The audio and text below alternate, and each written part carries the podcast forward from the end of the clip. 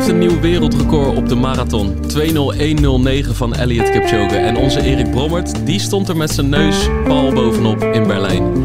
Uh, wat hij zag, daar gaan we het vandaag over hebben. Maar waar we het ook gaan over hebben, uh, ook over gaan hebben, is de lange leidersweg van mij in Den Haag. Ongeveer een halve dag later.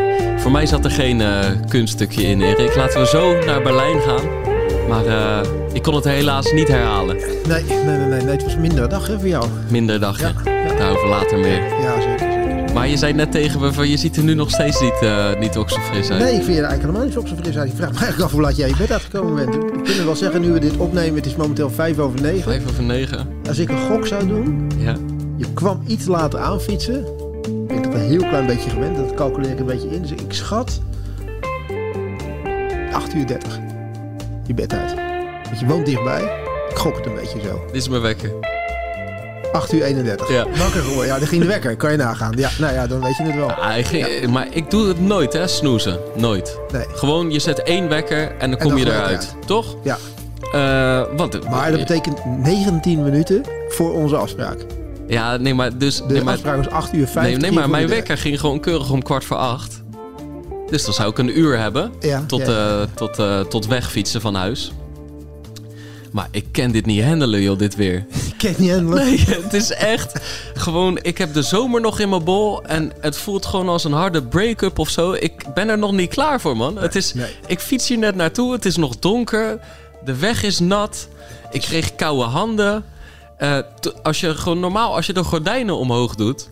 dan dan krijg je zin in de dag, toch? Dat, heb ik de buiten, hele zomer gehad. Vier maanden lang konden naar buiten lopen. En ik vind het ook wel Ja. abrupt afgelopen in één keer. Echt. Het is veel te snel. Maar september is toch een beetje een maand dat het altijd nog een beetje na, uh, Ja. nadruppelt. Zo. Een beetje goed, beetje goed weer. Begin oktober kan het ook nog een beetje oké zijn. Ja. Het is Dus- nu gewoon keihard herfst. Dus ik snoes nooit. Nee. Maar ik heb nu twee keer 20 minuten later gezet. Dus kwart voor acht werd het 8 uur 31. En toen had ik 14 minuten om, eh, om eh, de fiets op te springen. Maar eh, en, eh, eh, eerlijk gezegd, dit wordt ook lastig voor de ochtendloopjes. Zeg maar, in de zomer, Hmm. zeker ook bij twee keer trainen in de, in de, op een dag... Het is best wel makkelijk om ook al om half acht, acht uur, kwart over acht... gewoon te gaan Maakt voor een hardlooprondje. En nu wordt het wel iets meer discipline. Ja, ja, vind ik ook. Ja, je moet dan eigenlijk een beetje stok achter de deur hebben om te gaan. ja. Ik vond dat vroeger, als ik naar Errol 's morgens vroeg ging, kwam met moeite je bed maar dan weet je dat je er ergens even voor deed. Even een klein stukje lopen. Ja. Maar ik vind het ook hoor. Ik, echt, je staat 's morgens op en ook gewoon weer lange broek aan. Weet je, ik ben van de korte broek altijd nog, eh, nog wel in de zomer. Ja. Dikke jas aan, trui aan, dat soort dingen. Er is nog, helemaal- er is nog helemaal geen tijd voor. Ik van de week mijn eerste eh, tijd aangehad. Ja, lang tijd. Ja, Ja. ja. precies. Ook dat nog. Ja. Ja. dat heb ik nog niet gehad. Dat heb ik nog niet gehad. Nee. Ik heb afgelopen week in Duitsland wel nog korte broek gelopen. Ja. Dat wel. Kon nog net. Net een goed weekje was het, eh, was het weg. En je bent gisteren teruggekomen. Ja, ja, ja, ja. ja. En ja, dat was, eh, was een mooi afsluitend weekend. Je was natuurlijk anderhalve week weg. We zijn eerst naar Hamburg geweest. En eh we waren eigenlijk nog nooit geweest. Mooie stad. Mooie stad, ja. Ja, dus eh, dat was goed. Vervolgens zijn we naar de oostkust gegaan. Echt oude DDR zijn we, zijn we ingegaan. Ik heb, we hebben nog een fotootje hebben nog, nog gepost. Ja, Klaas Boomsma die reageerde ook van... dit is wel echt mooi typisch Oost-Duits. Ja, er stond nog, er hing nog zo'n doek met gemütlichkeit. Ja, ja, maar ik was aan het zoeken waar dan, Nee, weet je wel. Dit was, dit was in, in, op het... op een, op, een, op een, eigenlijk een beetje een eiland eh, aan het, in het noordoosten. En daar heeft in 1936 Hitler een product, neer, een, product neer, een project neergezet. Waarbij hij, hoe heet dat, ehm, Een project of een product? een project. Wat uiteindelijk een product moest worden, worden mij. Een project neergezet van 4,5 kilometer flats in één rij aan elkaar vastgeknoopt. Dus gewoon één lange muur. Waarbij die de, de arbeiders uit die tijd een, eh, een, een vakantiewoning wilden bieden, zeg maar. Met uitzicht op zee. 4,5 kilometer lang, zes etages hoog, allemaal uitzicht op zee. En dat, eh, dat is er nu nog. Weet je, en het is uiteindelijk is nooit afgebouwd omdat de oorlog ooit, ooit begon. En, en nu wordt dat helemaal zeg maar, gemoderniseerd. Ja. En er is in die tussentijd van alles gebeurd. Ze hebben daar de, tijdens de oorlog hebben ze daar de, me- mensen opgeleid. Eh, er zijn immigranten die kant uitgegaan. Er hebben Russen gezeten. Alles heeft er gezeten. En nu wordt het zeg maar.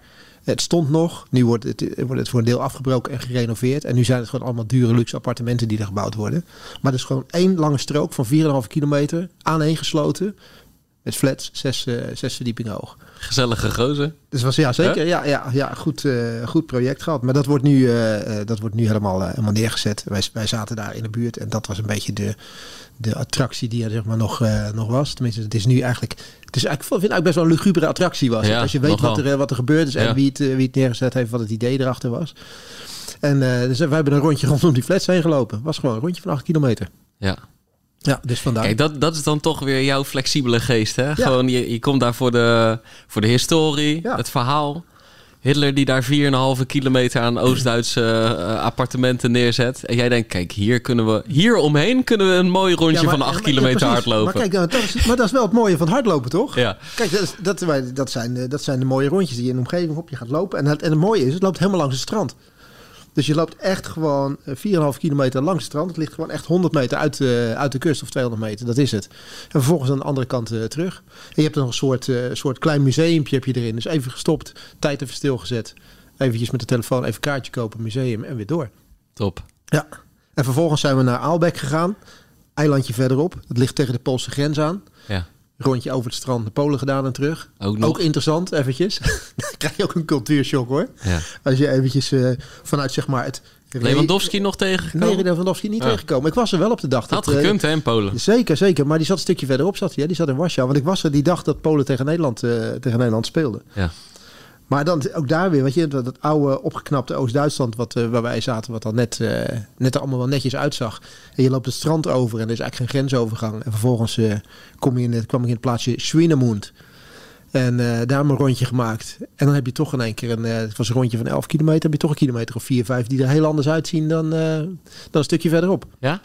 Ja, echt behoorlijk anders. Ja, echt een soort, eh, soort cultuurshock. En heb je echt het idee dat je Pools-Russische grens al een klein beetje aan het, eh, aan het voorbij bent. Maar ook dat weer, ja, ik, dat is wel tof aan het lopen. Ja. Weet je, hier zit in je hotelkamer. Je kijkt, we hadden een appartement daar. Je kijkt eventjes eh, even op Google, hoe kan het mooiste rondje eruit zien. En dan probeer je dat lusje eventjes te lopen. En dan heb je toch een mooie 11 kilometertjes weg. Je komt ook echt wel, want je gaat datzelfde stuk, ja, je zou het kunnen wandelen, maar dan doe je er de hele dag over. Nou, we hebben de dag erop hebben we het gewandeld. Oh, Want ik was geweest, ik zeg tegen Brigitte, ik zei, nou, moeten we toch eventjes, eh, moeten we toch eventjes doen. Een klein stukje erbij gepakt. Ik zeg maar dat Polen moeten we even in. Ik was, er- ik was nog nooit in Polen geweest. Ik denk, nou, die kan ik ook gelijk afstrepen. ja. Maar dan hebben we eventjes dat, eh, dat hele stuk hebben we gewandeld. Maar dan is het wel wat relaxer, stop je eventjes en zo. Maar met lopen vind ik dat wel het, eh, is dat wel het goede. Ja. lekker rap gewoon. Ja, ja. Ja. ja.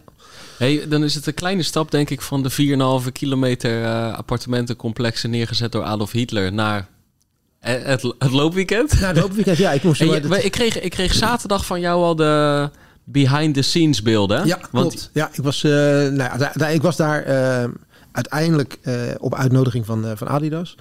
Adidas had, een, eh, had daar een, wat ze noemen running camp. Dat doet ze eens in zoveel tijd. Gaven ons daar inzicht in de, in de collecties die ze gemaakt hebben voor het najaar van 23. Mocht al input geven op collecties voor voorjaar van 24. Waar, waar ze zeg maar binnen de merken al mee bezig zijn. Ze zijn heel vooruit aan denken. En dat, eh, dat eh, doe ik met een, met een groepje running specialisten uit Europa. Uit eh, vijf verschillende landen zijn we daar uitgenodigd. En hadden we op, ehm, op de zaterdagmorgen, kwamen er op vrijdag, vrijdag aan. Vrijdag was een soort intro daar in het, in het hotel in Berlijn. En op zaterdagochtend hadden we een eh, behind the scenes tour. En dat was eigenlijk wel eh, best wel heel tof dat ze dat, eh, dat ze dat deden. Er was bijvoorbeeld ook de, de, de organisatoren van de Marathon van New York waren erbij.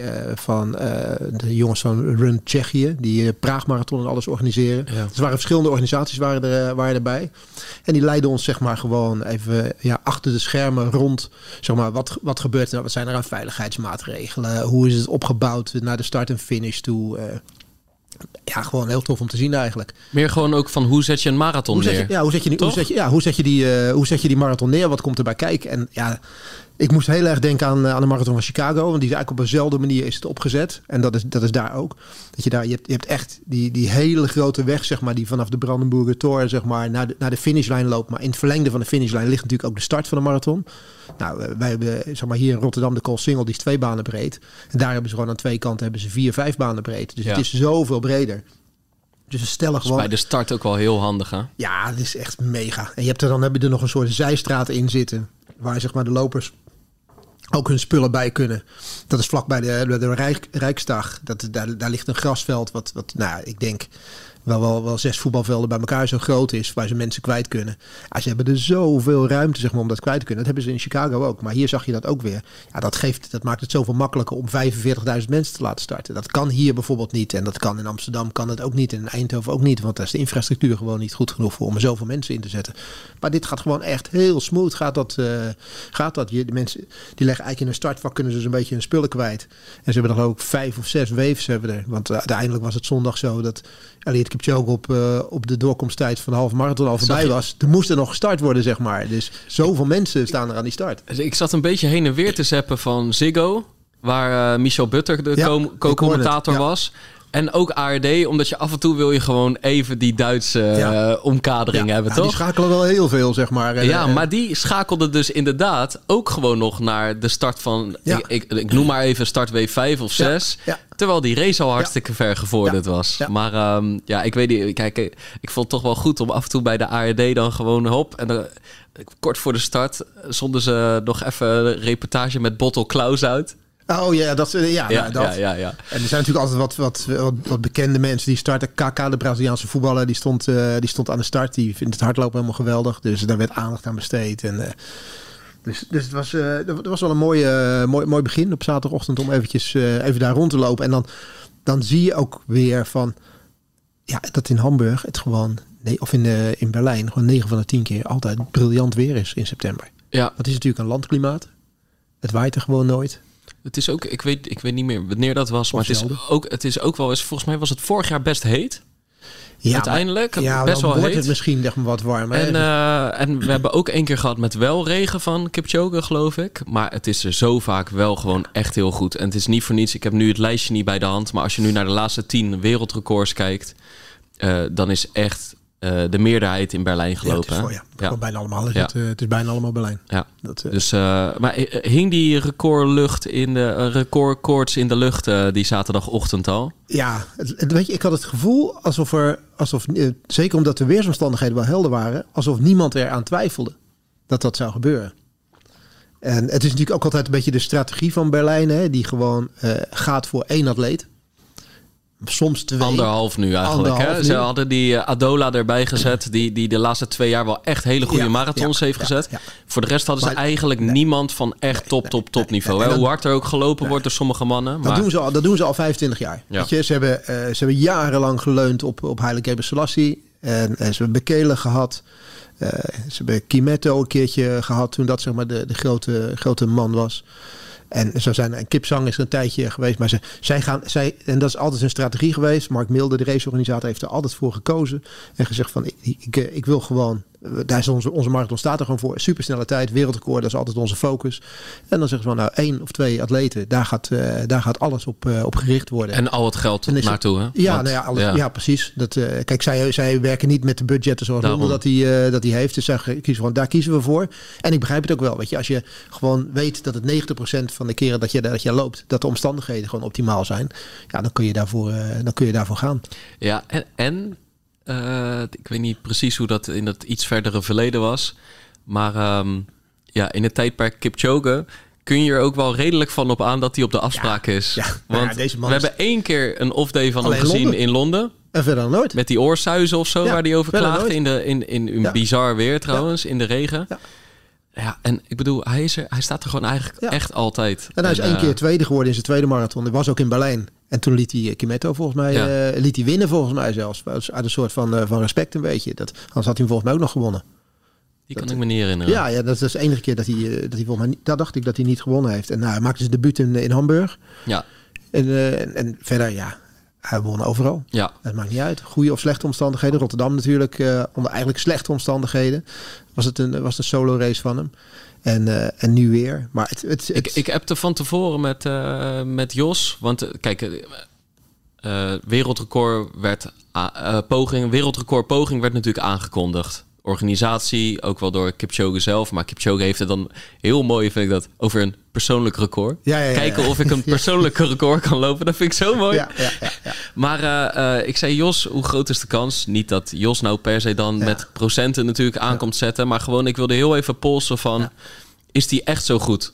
Want ja, iemand heeft gewoon weer maanden in uh, Kaptagat getraind. En Kipchoge doet natuurlijk nooit wedstrijden voor, van tevoren. Dus je hebt geen snelle tien of snelle half als referentie. Niet dat je dat afgelopen jaren wel had, maar gewoon...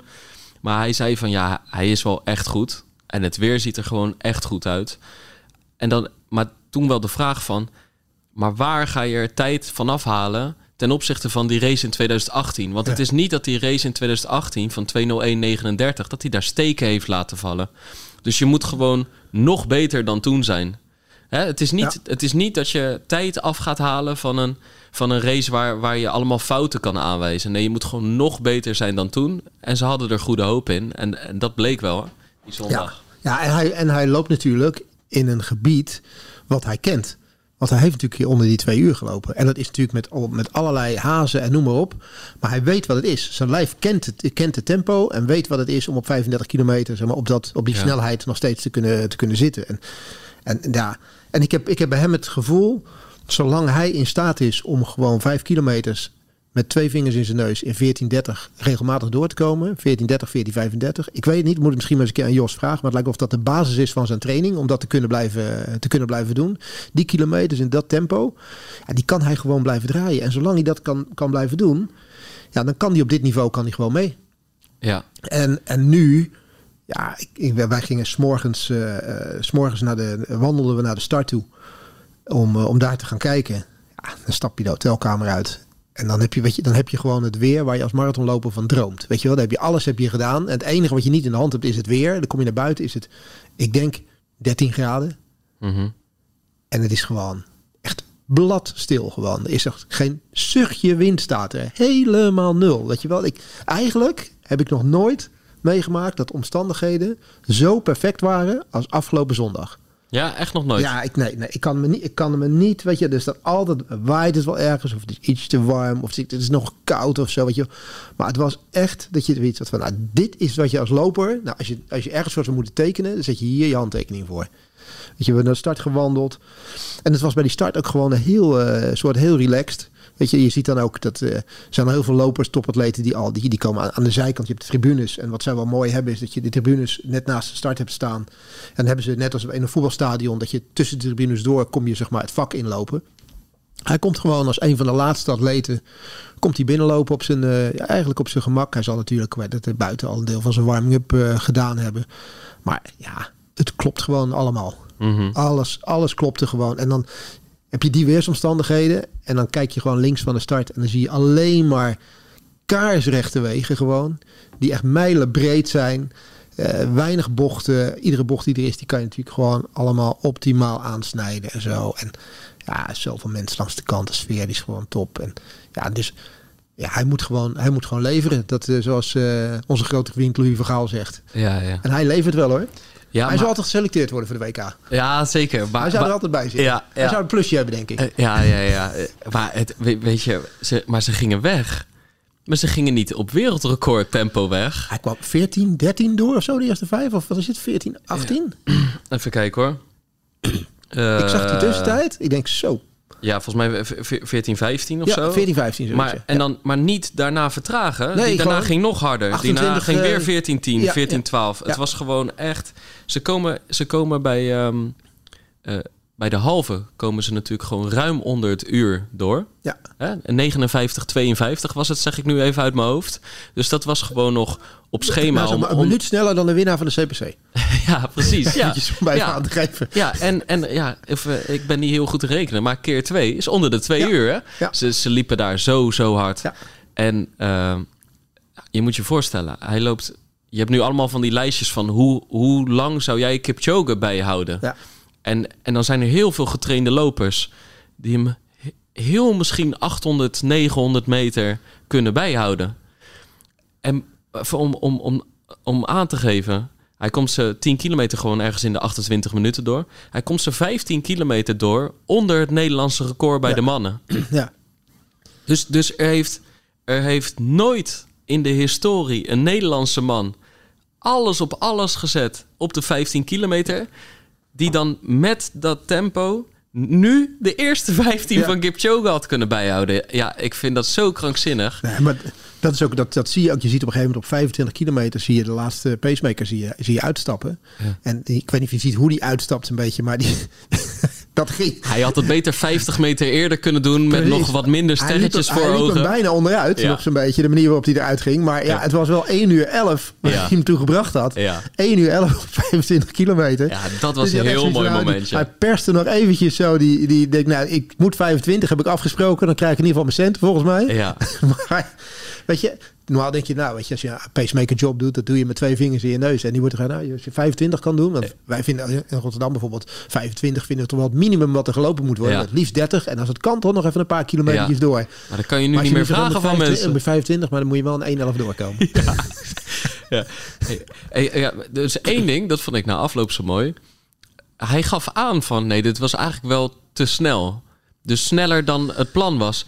Alleen hij zei, eh, but my, my legs were running fast. Ja, ja, ja, nee, ik zei goed. Ja, maar- mijn benen gingen gewoon ja, snel. Ik wil hij gaat, hij gaat mee en... ehm, Hij heeft ze niet tot de orde geroepen. Nee, want nee, nee, want nee. het was gewoon het was wat harder dan gepland. ja. Eh, maar ook weer niet zoveel harder. En ook weer niet zo tegen het gevoel indruisen. Dat ze hebben gezegd van nee, dit moeten we niet doen. Want hij zal, hij zal anders de eerste zijn die gewoon die hazen laat lopen of ze terugroept Ja, natuurlijk. Maar... even één ding. We hebben nu die haas benoemd. We hebben die, die Ethiopiër die uiteindelijk ja, vierde dat is wordt. mooi, hè? Die, die verliest zes minuten, hè? Eh, Andamlak Belihu. Die ging gewoon stoïcijns Ja, mee. Ja. En echt lang ook. Ja, ja, ja, ja. ja, En, en ik dacht, we gaan daar straks de ineenstorting van de eeuw gaan we zien. Ja. En dat was een beetje zo. Ja. Maar het viel eigenlijk wel mee. Die, Nou, gozer, die gozer heeft... Hij, hield het nog, hij heeft er nog vrij lang relatief kort achter gezeten. Ja, kijk, hij, hij loopt uiteindelijk... Kijk, want ik bedoel... Halverwege ga, zitten ze dus nog onder, Onder de- schema 2 twee uur. Ja. En hij loopt uiteindelijk 2.06.40. Ja, Dat is een positieve split. dat, ja, kleine, Dat zeven, is- minu- kleine zeven minuten levert hij in. Ja, hij levert een kleine zeven minuten in. En, en vanaf het moment van lossen eigenlijk, eigenlijk nog meer, relatief gezien. En toch, hij haalt drie minuten van zijn PR af. Ja. En Maar- hij maar- wordt vierde, dus het is ook weer niet. Het was geen, ook weer geen sterven. Nou, het was wel een stervende zwaan. Nee, maar, maar- toch Het- hebben ze ballen wel. Ze, zeg maar, het is wel beloond. Ja, maar het, het geeft wel aan hoe die jongens erin zitten. Ja. Weet je wel, jongen heeft een PR van 210. Ja, en gaat 249 had ja, hij of zo. 209 en gaat weg op schema van onder de twee uur. Ja. Maakt hem niet uit. Nee. Weet je, en ik heb dat wel eens, dat verhaal heb ik wel eens eerder gezegd. Ik heb bij de CPC ook wel eens gevraagd toen eh, ooit Wanjiro aan de start stond en het wereldrecord wilde lopen. Toen hadden we ook zo'n hele grote groep atleten daarachter. En toen zeiden we van, wij dat, eh, misschien is het verstandig om een tweede groep te vormen, weet je wel? Want ja, 57 minuten op een halve marathon of Ja. 58 wat er eh, gelopen werd op dat moment. Toch wel heel erg hard. Ja. En toen hebben we gewoon angst. gezegd, Nou, weet je wat? Ik vraag gewoon een groep. Weet je wel, er zijn heel veel jongens die nog nooit 100 uur lopen. Wie wil er eventueel met de tweede groep mee? Die gaan weg voor een tijd van net onder het uur. Steekt niemand zijn vinger op. Nee, nee, nee. Niemand. Nee. En zo een en al trots is het gewoon. Ja. Niemand die zijn vinger opsteekt. En vervolgens liggen ze na drie kilometer allemaal af. En maar ook- deze jongen gaat gewoon mee. En ik zei nog, stond langs de kant. Ik zei nog tegen iemand, ik zei, deze jongen die gaat dadelijk echt een horror tweede, tweede helft meemaken. Want Ja. ja, kijk, die, die, die komt in een gebied terecht waar zijn lichaam nog nooit van zijn leven geweest is. Nee. Dus dat lijf, dat, dat, dat gaat, gaat dadelijk een soort eh, heel vreemd reageren. Maar ik vond echt...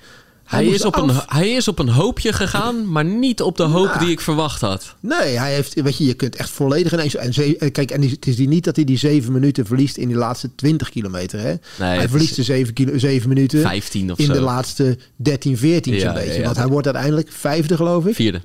Vierde wordt hij. Ja. Dus, dus hij, en, en hij- je kan zien toen hij eraf moest, bleef hij eigenlijk nog wel een kilometertje of vijf zo. Ook nog. Was hij nog in beeld? Ja. Kon je hem nog zien, eh, kon je hem nog zien lopen? Ja. Dus ik denk echt wel dat het, eh, ja, die laatste 10 kilometer, die is niet helemaal, eh, niet helemaal lekker geweest. Dat, dat sowieso. Maar ja, weet je, je- kijk, Het is eigenlijk zo jammer dat... Kijk, ik bedoel, dit was... Ik, ik had nog, ook nog nooit van die jongen nee, gehoord. natuurlijk niet. Nee. Maar ik bedoel, eigenlijk is het jammer dat die mensen- gozer niet gewoon Nederlands praat... en dat je hem gewoon vandaag een uur kan bellen in de aflevering... Ja, om gewoon even de laatste 14 kilometer met hem door te nemen. Ja, gewoon, wat, wat was het idee? Ja, en ook gewoon, hoe voelde Ja, het? Die laatste Ja, ja maar laatste jongens hebben zoiets van, ja, weet je, het is, het is een kans, probeer het gewoon. Weet je, voor hetzelfde gaat lukt het. En, eh, maar het is zo, zo werkt het natuurlijk, zo werkt het met de wetten van de marathon natuurlijk niet. Ja. Maar ik vond het, vond het mooi dat hij, eh, dat hij wel meeging, eh, dat hele, dat hele stuk. En je ziet ook dat ze gewoon in het veld gewoon volledig ehm, voor Kipchoge waren gegaan. Want onder deze omstandigheden, als je dan ziet wat de lopers die erachter liepen, wat die voor tijden liepen. Ja, dan was het gewoon heel, heel matig. Maar je zag het echt voor de start al, dat gewoon die deelnemerslijst... Ja. Het was Kipchoge, Adola, bij de vrouwen een paar echt goede atletes, maar niet, niet daarachter een breed veld zoals Nou ja, je in Londen of Ze New hadden, York ze hadden 12 Japanners aan de start staan. Omdat, er, omdat eh, volgens mij de eerste Japanner zich al kon kwalificeren voor de Spelen van Parijs. En dat waren wel allemaal goede atleten. Want kijk maar in die, in die uitslag. Die lopen wel, eh, daar lopen er wel acht van, geloof ik, onder de, onder de 210. Ja. Dat komt er wel allemaal binnen druppelen. En eh, ja, maar ja, goed, we het even verder over Kipchoge hebben, weet je wel. Ja, het was dus die laatste haas gaat weg. Het is 25 kilometer of zo. En daar zag je voor het eerst, ik noem het in de krant in mijn verhaal, grimas grijnzen. Ja. Dat, gaat, dat heeft hij al heel vaak gedaan. Maar ik blijf dat een prachtig beeld eh, vinden. Ook omdat niemand dat zo mooi kan als hij. Dat is gewoon, ja, zijn mondhoeken gaan omhoog. Je ziet ook zijn tanden. Je ziet hem eigenlijk lachen. Maar je ziet dat het niet lachen is door een leuke, leuke grap in de pacer. Het is gewoon, gewoon ja, het proberen te verjagen van de pijn. Hè, gewoon, En het is, het is wetenschappelijk onderbouwd. Als je lacht, eh, eh, het, oh ja, het is tweeledig. Het eh, verhoogt je pijngrens en werkt pijnremmend. Als een soort pijnstiller. Ja. Dus op het moment dat je lacht, ga je iets... Maar het is natuurlijk een fractie. Maar het is een van zijn manieren om nou, jezelf in de Zijn- maling te nemen. trucje, om door zeg te... Ja, Ja. een trucje. En, maar ik vind dat zo'n prachtig beeld. En dat doet hij dan af en toe. En het is, het, is, het is ook een grimas. Want je ziet wel degelijk die verbeterheid dan af en toe. Maar ja, het is gewoon weer zoals we zo vaak al een ode aan die loopstijl hebben gebracht. Het, het blijft zo ontspannen. Ook, ook weer die laatste kilometer. Ook trouwens de kilometer na de finish. Ja. Het ziet er gewoon nog steeds mooi uit bij hem. Hij verandert niet. Hij Nee. blijft de balans blijft hij gewoon continu houden. Ja. Dus daarom denk ik dat hij, hij traint voor mij heel veel in een bepaald gebied. Wat hij ontspannen kan lopen. En, en dat kan, hij kan dus zelfs ontspannen die eerste keer gewoon 14, 15, 14, 10, noem maar op. Dat kan hij gewoon echt heel, heel makkelijk eh, kan hij dat aan. Op de een of andere manier. En ja, en hoeveel marathons heeft hij al gelopen? De afstand schijnt geen, geen issue te zijn eh, voor hem. Hij komt een paar keer dat hij net even... Hij heeft minuten- 19, 19 gelopen. Ja, eh, waarvan 17 17, stads, nee, waarvan 17 stadsmarathons. En die andere twee zijn dan Monza en Wenen. Ja. En dan heeft hij van die En ook- 17 heeft hij er 15 gewonnen. En Monza en Wenen waren ook een groot succes. Ja, precies. Ja, en Twente was dan ook nog een beetje een gekke marathon. Die, die, ook eh, nog, die, die, ja, klopt. Ja, dus, oh ja, ik weet niet of ik die nu heb meegerekend. Maar maar dat was ook een beetje een gekke, gekke race als het ware. ook daar was hij goed. Ja. Ja, nou, zoals, zoals, zoals hij altijd goed. En je ziet, hij verliest dan een klein beetje. Ik kan me alleen niet aan de indruk onttrekken dat hij toch een klein beetje teleurgesteld was. Dat het niet twee uur en een aantal seconden was. Dat het toch wel weer 2-0-1 op de klokken stond. Dat Nou, zeker, want, want ehm, ik denk dat ze daar wel een beetje op gehoopt hadden eigenlijk. En, en je, ondanks dat hij natuurlijk niet, niet de man is van het enorm berekenen en alles, Ja. hij liet het niet voor niets toe om zo hard van start te gaan. Hè? Het, het waren gewoon hele grote plannen. Er was niet per se plan van we gaan 2.01.38 lopen. Nee, hij, hij wilde er- kijken of er een hap vanaf Ja. kon. En hij heeft tot nu toe altijd gezegd van... ik ben de eerste mens geweest die onder de twee uur heeft gelopen. En iemand gaat dat doen op de stadsmarathon. Maar dat zal ik niet zijn. Ja. Dat is voor anderen. Dus ik denk wel, nu die zo dichtbij was... had het liefst natuurlijk 200.59 gelopen. Maar ik begreep er de laatste kilometers helemaal niks meer van. Want op een gegeven moment dacht ik zelfs dat het wereldrecord... eh, ineens in de problemen kwam. Want hij, hij liep, dat zal niet waar zijn... maar de kilometertijden die wij bij de tv doorkregen... was 3.11. En toen dacht ik, hè, wat gebeurt er nou? Maar toen was die kilometer daarna was volgens mij 2,8 of 2, eh, 2,48, 2,38. Die twee splits klopten niet. Volgens mij heeft het Want hij, liep tracker te maken. ja, want hij liep redelijk steady toch nog wel door. Meer steady Ja. dan je op tv eh Volgens mij heeft het volgens vermoedde. mij met die tracker te maken. Want als je zelf meeklokt, zeg maar, van kilometer tot kilometer, Ja. wat je kan zien, dan kom je wel goed, eh, dan kom je wel goed uit. Maar daar had het wat, had het wat mee, te, mee te maken. Maar je ziet ook zo'n klein dipje, die overkomt hij dan op een gegeven moment wel weer. En dan trekt hij het wel weer door. Maar ja, kijk, zij zijn s'morgens ook opgestaan. En de benen zijn goed. En ze hebben van, joh, het is nu of nooit. Weet je, je hebt nik, eigenlijk niks te verliezen. Ja, Weet je, dus je moet gewoon, eh het doet maar als het gebeurt, gebeurt het. Maar laat het maar, ik denk dat echt, laat het maar gebeuren. ja, En dan zien we wel waar het schip strandt. ja. En hij kan dat zo goed opvangen. Ja. Maar ik hoopte daar een klein beetje op. Ik denk, nou, weet je, het is toch weer een grens die je doorbreekt. Weet je, als Mm. die één er vanaf is, dat de 2-0-0 een beetje is. En nu moet je maar weer eh, eigenlijk gewoon ja, weer een jaar wachten zeg maar, om die omstandigheden te krijgen. Want ja, ik zie geen andere marathon waar dit, eh, waar dit gelopen gaat, eh, gaat worden. Ik zie dit niet in, eh, in het voorjaar in Londen gebeuren of zo. Dat, Nee. daar, daar zijn die omstandigheden, het parcours is gewoon net niet naar om volgens mij zo maximaal te presteren. En dan moet hij ook wel weer gewoon helemaal top zijn. Ja, en ergens had je natuurlijk al het gevoel van... ehm, hij gaat al die majors proberen te winnen. Ja. Eh, maar nu maakte hij toch weer een uitstapje naar Berlijn. Nou, hij zal ook de Olympische Marathon in Parijs gaan lopen. Maar zou die niet stiekem gewoon in november in New York aan de start staan? Ja, het zou zomaar Het kunnen. zou mij niet verbazen. ja, het zou Als hij goed kunnen. herstelt. Ik, ik zeg niet dat het zo is, maar dit is redelijk vroeg, september. Hij heeft New York nog nooit gewonnen. Chicago volgens mij ook niet, maar dat komt iets te vroeg. Je weet dat het tempo Dat zijn de enige eh, twee die nog moet lager winnen. ligt in het begin. Ja, daarom. Ja. Dus, en, en New York is begin november, dus dat is nou oktober, twee maanden. En hij, Ah, hij wil kijk, dat... Kijk, het, het lijkt mij een. eh, het kan tegenwoordig, hè? zeker ook op de nieuwe schoenen met de betere herstel. Ook Ja. eh, gewoon goed je voeding onderweg en eh, na afloop in orde hebben. Dus, dus het, het zou mogelijk kunnen zijn. Maar waardoor ik er zeker vertrouwen in heb gekregen, is gewoon die minuutjes na de finish. Die Patrick Sang haalde even het kwel van zijn mondhoeken vandaan. Even vierde die een feestje met de eh, Keniaanse fans die aanwezig waren in Berlijn. En toen liep hij eigenlijk alweer heel triomfantelijk zo een beetje heen en weer bij de Brandenburger met de Tor. vlag en zo op en neer, helemaal prima. Ja, Ja. Maar winnaar heeft eigenlijk nooit zoveel pijn in zijn benen natuurlijk. En Nee, maar dit was wel heel erg, extreem. eh, Ja, ja, ja. Ja, het is niet dat je naar zijn- wereldkoor gelopen en je ziet dat hij helemaal stenen, Nee. steen kapot zit en niet meer op Nee. of af kan. Nee. Dat, was, dat was het geval niet. nee. Nee, nee. Hey, en dan nog één ding, want het wordt natuurlijk totaal overschaduwd. Eh, maar die race bij de vrouwen. Ja, nou, nou, ja, Is de derde tijd ooit, hè? Ja, niet normaal. Tigist Assefa. En die loopt een negatieve split van een minuut bijna. Hè? Ja, kijk, Dus eigenlijk was dat een race uit is- het boekje. Dat is eentje uit het boekje, ja. Ja, ja, ja. ja. Ja. zeker, zeker.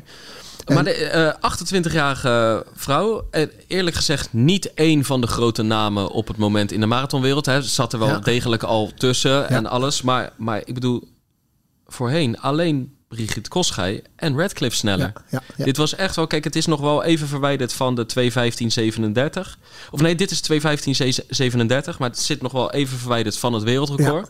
Maar, Maar, het was wel echt... eh, Niet ver. Kijk, anderhalve minuut erboven, boven die toptijd van Koschij. En, het, en wat, wat opvallend is, die meiden die zo hard lopen, zitten allemaal bij hetzelfde management. De Italiaanse manager, Gianni de Madonna, goede marathonloper zelf ook geweest, of een rel- een relatief goede marathonloper, die al jarenlang heel veel met die dames bezig is. Je wint onwijs veel eh, grote major marathons met de, met de dames. Dus op, op een of andere manier doen ze daar, iets, doen ze daar wel iets goeds met die, eh, met, met, die, met die vrouwen.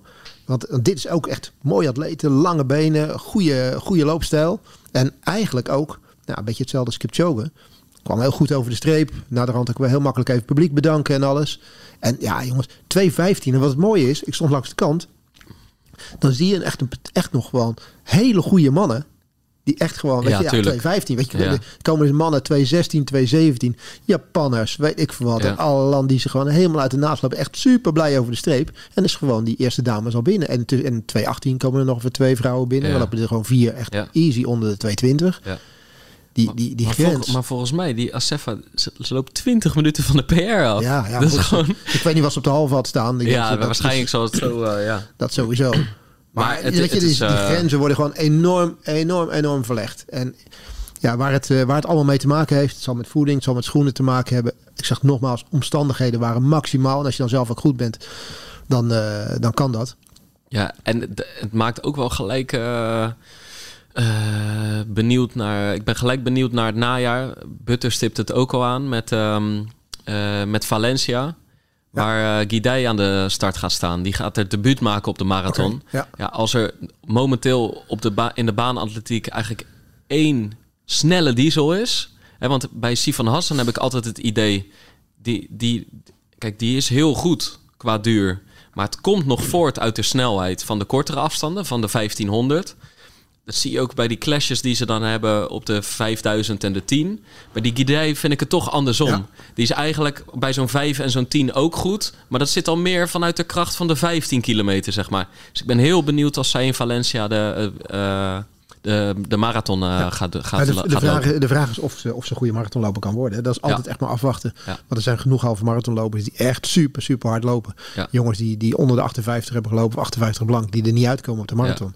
Ah, ik Dus moet het, bij we haar wel het zien. vertrouwen Ja, nou ja, goed, maar we moeten, we moeten het, ik vind, ik vind een marathon moet het altijd wel eerst eventjes eh, even zien voordat, het, eh, voordat het gaat gebeuren. Maar ja, dat is Valencia wel een goede plek om, eh, om je debuut te maken, om dat te doen. Maar ik vond het echt wel opvallend om te zien hoeveel, hoeveel atleten zeg maar, onder de 220 eh, tegenwoordig lopen. En zelfs, nou ja, zelfs onder de 230, maar onder de 220. Ah, dat komt allemaal, met bosjes komt het binnenvliegen, man. Het is echt gewoon, ja. die, het lijkt wel of er gewoon helemaal geen respect meer is voor die tijden. Ja, maar, nee, maar, ja, dat, echt, maar, nee, maar dat zeg jij. Maar kijk, ik, ik heb, omdat ik, kijk, kijk uh, ik vind het natuurlijk waanzinnig hoe hard zo'n vrouw loopt. Ja. 215, waanzinnig hoe ja. hard zo'n Kipchoge loopt. Uh, 201. Alleen daar kan je jezelf niet aan spiegelen. Toch? Dat is gewoon, dat is iets, dat is heel bijzonder om naar te kijken. Maar het gaat eigenlijk je voorstellingsvermogen te buiten. Maar wat ik dan wel tof vind, of ook tof vind, is om juist zeg maar bijvoorbeeld die gasten te volgen die zo uh, de 220 ja, proberen ja, te doorbreken. Maar ik heb, ik heb, want een paar van die gasten eh, tegenwoordig met Strava en zo. Het maakt niet uit of iemand uit Zuid-Afrika komt of uit Australië. Je kan gewoon zo'n gozer volgen en zien hoe die traint. En juist uh, die, die, zeg maar de sub-elite lopers, die zetten gewoon alles op social media. Want daar, ja, die hebben ook geen geheimen meer. Dus ik heb een paar van die, van die mannen gevolgd die de 220 probeerden, uh, probeerden te doorbreken. En dan zeg jij, ze hebben geen respect meer voor de afstand. Maar die lopen ook gewoon 160, 170 ja. kilometer in de week. De laatste 12 weken voor de marathon. Dat is gewoon eigenlijk een topsportvoorbereiding. Ja. Alleen ja, je bent net niet zo goed om er echt je geld mee te verdienen. Of om er echt je... Ja. Maar ze zijn allemaal bloed, bloed fanatiek. En, dat is, en dat is echt mooi, want dan zie je ook... Je had Nick Bester, die heeft uh, volgens mij ook een eigen YouTube-kanaal. En die zet dan gewoon de acht weken voor de marathon. Elke week zet hij uh, uh, een, een, vlog online met een beetje ja. wat, wat voor trainingen die heeft gedraaid. Die kwam nu 9 seconden tekort. Ja, 220.09. Ja, ja, dat is echt heel zuur. Ja, dat is echt. En dan gelijk alweer. Dan, dan in Sevilla. Februari. Gewoon gelijk zoiets van. Ja. ja, dat zijn grenzen die doorbroken moeten worden. Maar het zijn er gewoon heel veel. En ik heb op een gegeven moment heb ik net eventjes uh, je, je, had daar zo'n truck waar je op kon staan boven. Toen heb ik boven eventjes 10 meter voorbij de finish staan kijken. En dat vind ik eigenlijk ook wel een fascinerend uh, ja. ding. Is dat. Dan zie je de mensen dus... Je normaal gesproken wil je de mensen over de streep zien gaan. Maar dan zie je ze bij de streep zie je ze doorkomen. En dan zie je dus zeg maar de kotsbrigade. Die komt dan even op gang. Dus er zijn, dat vind jij mooi om te zien. vind ik mooi om te zien. Dat vind ik mooi om te zien. Dat ik, hebben ze een mannetje of vier. Ja. Die hebben ze specifiek hebben ze ingehuurd. En die hebben zaagsel, hebben ze die emmers met zaagsel bij zich. En die zijn continu alleen maar bezig om al die kots van iedereen die over zijn nek gaat over die streep komt, om die zeg maar gelijk weg te werken. Ik had het dan nooit gezien. Hele interessante, hele interessante gebeurtenis. Ja. Ik loop met allemaal, allemaal emmertjes. Hebben ze bij zich. Mensen gaan over de nek, moeten zo snel mogelijk weggehaald worden. Hop, en dan gaat de volgende zooi gaat er weer uit. Gelijk dat zaagsel eroverheen, wegvegen. Nou, ze hebben het nog niet weggeveegd. Of de volgende komt er al. Als ze het niet wegvegen, dan is echt voor de mensen die, die een half uur of drie kwartier later komen, is één grote glijpartij. Weet je ja. wel, als een soort Atlantische in de lucht wat er gaat uh, gebeuren daar. Maar het is, en ook de manier waarop mensen over de streep komen. Weet je, dat is echt, dat is echt leuker om. Dus ze komen over de streep en je staat gewoon 10 meter na. En de een die gilt, de ander dondert gelijk onderuit. En de ander die hangt echt als een dooi over de hekken heen. Vervolgens de een het in zijn broek gescheten. het is echt, het is één grote, ja, het is één grote medische, medische ellende wat er over de streep komt. Heerlijk om te zien. De kotsbrigade. Ja, nou ja, Schat, hoe was het op je werk? Ja, ja ging wel. Ja, zijn zeker vier en ik denk wel zes, want er waren twee kanten dat je kon zeggen. Ik denk wel zes man die continu bezig waren met emmertjes met, met zaagsel. Ja, goed. Om dat... Uh, die hele inhoud, die de maaginhoud, die keer een beetje weg te werken. En dan moet, op, dan moet het dan zo snel mogelijk doorgeschoven worden, want dan moeten mensen moeten er weer uit. Ja. Maar het was, uh, het was mooi om te zien. Je hebt een topweekend gehad. Zeker, zeker. zeker. Hey, en tot, tot wanneer heb jij gekeken? Want je hebt het over van, ik heb je marathon liggen kijken. En ik heb, nou, je zag die eerste dame ook naar binnen komen. Maar volgens mij, uh, hoe laat was de start van de CPC? Drie uur? Niet? Uh, half drie. Half drie, ja. Half, half drie. drie altijd. En um, er was één nadeel aan het kunststukje van Kipchoge in Berlijn. Dat was dat, uh, dat ik uh, de startblokken uit moest. En een verhaal moest oh, je tikken. Moest tikken ja, ja. Kijk, in principe... Moeilijk zeggen hier van, uh, ja, sorry, maar... Ja, kijk, bij, bij, geen, bij geen wereldrecord uh, had er niet per se een groot verhaal over de marathon in de krant moeten liggen. En kijk, het hing in de lucht, maar het heeft wel vaker in de lucht gehangen. Het was toch alweer vier jaar geleden. Dus ik, ik ging ervoor zitten. Ik wist dat de kans erin zat. Maar je kreeg toch al gauw door van... ik moet waarschijnlijk straks een verhaal gaan maken. Dus ik zat te appen met uh, Martijn, mijn chef. En uh, nou, dan krijg je door 550 woorden. Nou, die ga je niet al zitten tikken tijdens de race. Je gaat Nee, gewoon even goed zeggen, zitten jij niet net kijken. als je voetbalcollega's die gedurende de wedstrijd eigenlijk al eh, het eh, stuk getikt hebben. maar en als dat er dan is- nog een doelpunt valt in de laatste minuut dat je het een beetje bijstelt. Ja, maar dat is s'avonds... dat hoor ik altijd terug van die jongens. Ja, zeker. Maar dat is, dat is eh, als s'avonds de aftrap om kwart voor negen is... en dan eindsignaal net over half elf... en kwart voor elf moet die krant naar de drukker. Ja.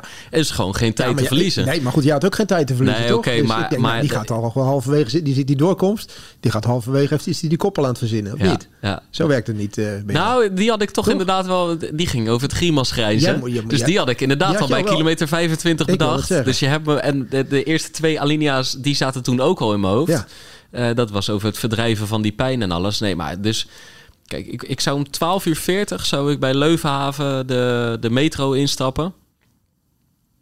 Ja, en dan zou ik anderhalf uur voor de, voor de start in eh, Den Haag aankomen. Zouden we naar de Run Today Den Haag. Ja. Konden we omkleden, Ja. tas afgeven. En dan zaten we met alle pakkers in de voorste wagon van de metro. Ik weet niet of een metro een wagon heeft, maar de voorste... ja, Ja, zoiets. ja, Treinstel. Wagonstel. ja, voorste gedeelte. Voorstel. Voorin. Ja, voorin. Voorin de metro. Maar eh, kijk, eerlijk gezegd... Het, en ik heb natuurlijk de afgelopen tien jaar wel vaker een verhaal over de marathon gemaakt. Het was ook prima. Alleen toch, ik was uiteindelijk vijf minuten... Ik zat niet te haasten of zo. Ik zat niet op hete kolen. Maar ik zette een punt achter dat verhaal. En vijf minuten later ging ik de deur uit. En daarvoor ook nog, weet je wel, even vier boterhammen naar binnen, koffie.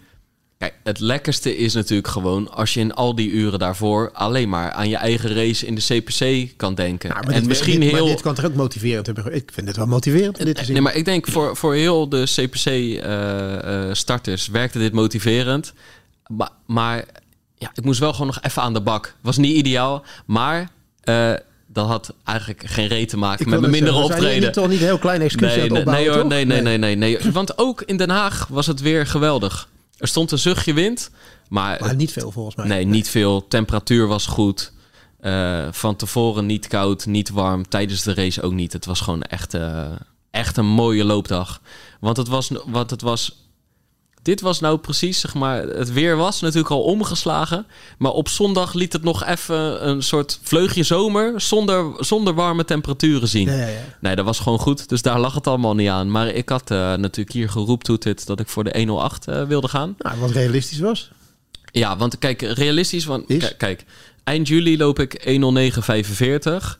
Maar met minder halve marathon trainingen in mijn, in mijn lijf. Eh, vijf dagen daarvoor teruggekomen uit de VS. Sindsdien echt wel naar deze CPC toegewerkt. Met nog, waar jij naast stond, een hele mooie vijf op de baan. Eh 1453. Met de snelheid zit het wel goed Solo. solo. En ik had nu eh, in de twee train- eh, trainingsweken ervoor, dus niet de laatste week, maar die, die twee weken daarvoor, van een 8 keer 1600 op doeltempo 313 naar 4 keer 3,2. Net iets meer dan 10 minuten op, op het tempo. En dat ging echt goed. En ehm, nou, de laatste week voelde ik me niet super. Maar goed, dan moet, dan moet, was ook niet echt wel wat aan de hand. Dus dan vind ik niet dat je gelijk eh, moet gaan zeggen: Oh, het wordt niks. Ik ga mijn ambitie bijstellen. Ik bedoel, ik heb ook hele goede races gelopen. Als je de drie dagen daarvoor een beetje denkt: van Ja, nou, daarom. En, en, de doorkomsttijden die je moet lopen op de vijf kilometer zijn voor jou eh, moeten niet een al te groot probleem zijn, normaal gesproken. Ja, en ik had Michel eh, Butter twee, eh, twee dagen van tevoren aan de lijn. En die zei wel nog van, kijk, het is gewoon strakke ambitie. Dus ga niet de vijf kilometer ervoor steeds al, al vijf seconden de ronde zetten. Je mag best beginnen in 308 of 310. Ja. Maar pak daarna de 313 op. En dan is het ook prima als je 314, 315, 316 loopt. Mits je maar in een mooi groepje zit. Ja. En dan kan je altijd dat tweede deel nog. Dus nou, eigenlijk zo ging het ook. Gewoon start in 310, daarna een groepje vinden. En we waren nou, 313 aan het lopen, 315, 316.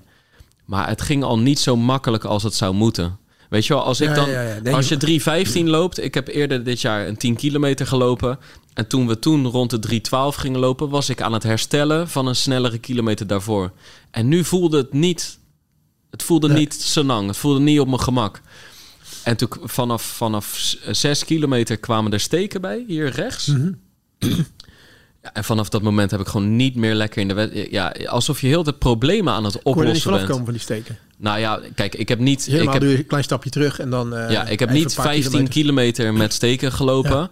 Maar wel, wel regelmatig terugkerend. Ja. En, en ik ben daardoor zo verkrampt gaan lopen... Ja. dat ik op het laatst, of op het laatst, dat ik de laatste 5, 6 kilometer... maar dat is toch nog wel 20 minuten... ja, maar als op een halve marathon is dat, die ga je wel merken. Ja, als je er goed in zit. Op een gegeven moment zat heel mijn, heel mijn rug vast. Ik denk gewoon omdat ik van alles en nog Ja, wat heb geprobeerd om, om maar van die steken te komen. Ja, je, je voelt ook dat je niet lekker ontspannen Nee. aan het lopen bent. Maar dat bleek ook in die laatste kilometers. Dat eigenlijk toen waren de steken niet meer het probleem, maar gewoon heel mijn lijf dat vast zat.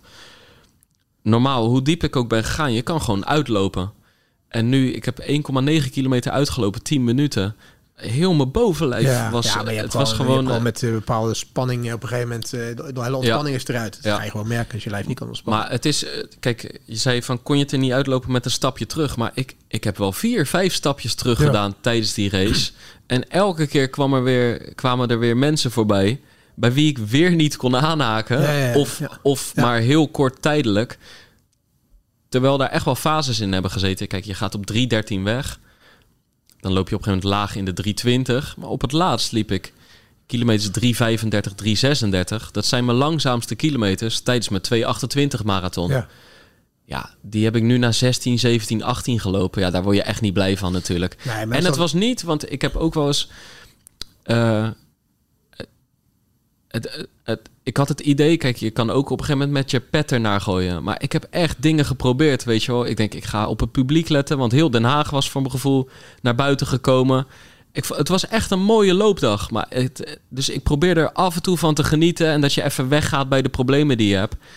Maar ja, ze waren te groot. En, Ja. eh, maar ik baalde, ik baal wel echt. Want, eh, en ik, zeker ook na de finish. Want ik kom over de streep in 1.11.52. Ja, nee, 1,11, ja, ja. Kijk, twee jaar geleden, toen wij net met deze podcast waren begonnen, hadden we hier een maand de Polonaise gelopen. Want daar hebben we een keer een hele Ja. aflevering over mijn 1.14 in Maasluis eh gemaakt. En daar was Nu ik zitten toen... hier een beetje gedeprimeerd. eh, Ja, daar was ik toen echt heel trots op. En dus het zegt wel iets. Alleen ja, als je van 1.09.5 als je 1.09.45 al hebt staan, als dit eigenlijk je hoofddoel van de zomer is, er komt ook geen najaarsmarathon meer aan. Ik wilde hier echt vlammen. Nou, zeg maar, mijn soort van nieuwe niveau waarop ik al een tijdje aan het trainen ben. Wat betreft de halve marathon dan in elk geval. Ik weet niet of ik nu per se een veel snellere marathon zou neerzetten, maar wel voor waar ik voor getraind heb, de halve marathon. Ik had er echt wel goede hoop in. En dan krijg je dit. ja, ik was nee, wel maar echt, echt teleurgesteld. En, eh, want ik weet Ook dat er... gezien datgene wat je ervoor gedaan Ja, hebt. ik weet dat ik er veel... Ja, goeie- ik heb niet voor niets negen, negen keer getraind soms in een week. Nee, dat doe je, dat doe je heel veel. En weet, ik vind dan, dan moet je, dan, dan moet je jezelf, eh, nou, dan, of dan wil je jezelf belonen en dan komt het er niet uit. En dat, ja, dat, ik, dat bij mij ook wel eens gebeurd. Maar dat is on, ik vind het echt wel een onwijze teleurstelling. Zeker Ja. voor datgene wat je erin gestoken hebt Ja. de tijd. Denk ik, godsamme, doe ik het nou hier allemaal voor, weet je wel? Ja. Dus dat, ja, ik, ik snap het wel. Maar goed, het hoort er ook bij dat het, eh, dat, dat het een keer zo is. Weet je? En, en ja, misschien toch eventjes kijken naar wat, wat de oorzaak is op de een of andere manier. Want eh, je zag wel, dit groepje waar je in zat, zaten toch een paar jongens in waar je mee getraind hebt die wel die 108 lopen. Dus, Ja. en, en, en die moet jij ook gewoon kunnen lopen. Zeker gezien de basis die je hebt, de kilometers die je gemaakt hebt. Alleen het komt er, ja, het komt er nu niet uit. En, dus het is niet bij de pakken neerzitten. Gewoon voor jezelf misschien toch eventjes met, met Guido en met... eh, eh, Michel en René, ja, zeker. Je zei van ik voel me, ik voel me niet helemaal top. Klein beetje verkoudheidje of wat dan ook. Ja, dus van, tevo van Maar- tevoren had ik het idee van de echte frisheid. Met inlopen, merk je met inlopen. Nee, inlopen was prima. goed- Was goed. Ja, ja daarom, daarom ging ik ook uiteindelijk... Inlopen was gewoon goed. Ik had Ja. er zin in. Want ik zag die eerste vijf. Ik had even bij die tracking. Ik kon even snel tussendoor die tracking kijken. Zag ik doorkomen. 16, 16 of 16, 18 of zo. Ik denk, nou, dat is prima. Weet Ja. je, dat is gewoon. eh wij het net 49 blank tempo op de 15 kilometer. Nou, dan moet je het mee keer. Dan moet je Het het, is mee hard, halen. maar het was een goed, beetje nou, wat ik wilde maar lopen. Dat moet je, dat moet je lopen om het uiteindelijk te, om het te doen. Dus ik dacht van, nou, niet zo'n probleem. Maar toen zag ik dan, daarna heb ik altijd niet meer gekeken. Zie je eindtijd. Ik denk, oh, wat is hier, eh, wat is hier gebeurd? ja. Ja, maar eh, eh, nee, ik zat nog met eh Björn Koreman Ja. te appen. Want daar had ik toevallig twee, twee dagen eerder had ik hem aan de lijn. Want hij had... ik kreeg door dat hij onderweg was naar de rechtszaal in Rotterdam. Oh ja, ja. Bijgestaan door Peter Schouten. ja. De beke- bekende en inmiddels ook helaas zwaar beveiligde advocaat. Ja. Eh, want ehm, anderhalf jaar geleden heb je die, die winkeldiefstal die hij ziet gebeuren. Hij houdt die vent tegen. Hij is, hij houdt die vent tegen achter een deur. Die gozer die, eh, die geeft een zwik aan en hij, hij breekt twee ribben, geloof ik. Ja. Waardoor hij uiteindelijk niet een nieuwe eh, poging kan doen Nee, om zijn ambities eigenlijk. eh, ja, ja. Om, zijn, om zijn tijd aan te scherpen. Dat kost hem wellicht te spelen. Misschien ook niet, maar wellicht wel. In elk geval eh, wordt zijn kans ontnomen om, eh, om, om aan Enschede mee te doen en die tijd te verscherpen. En ehm, hij heeft die rechtszaak gewonnen. Stipe- eh, nou, dat is een beetje berekend. Wat heeft hij gemist qua stipendium Ja, en ja, Beetje schadevergoeding. Schadevergoeding. En, maar dus hij appte van, van echt balen, want je weet ook dat het erin zit.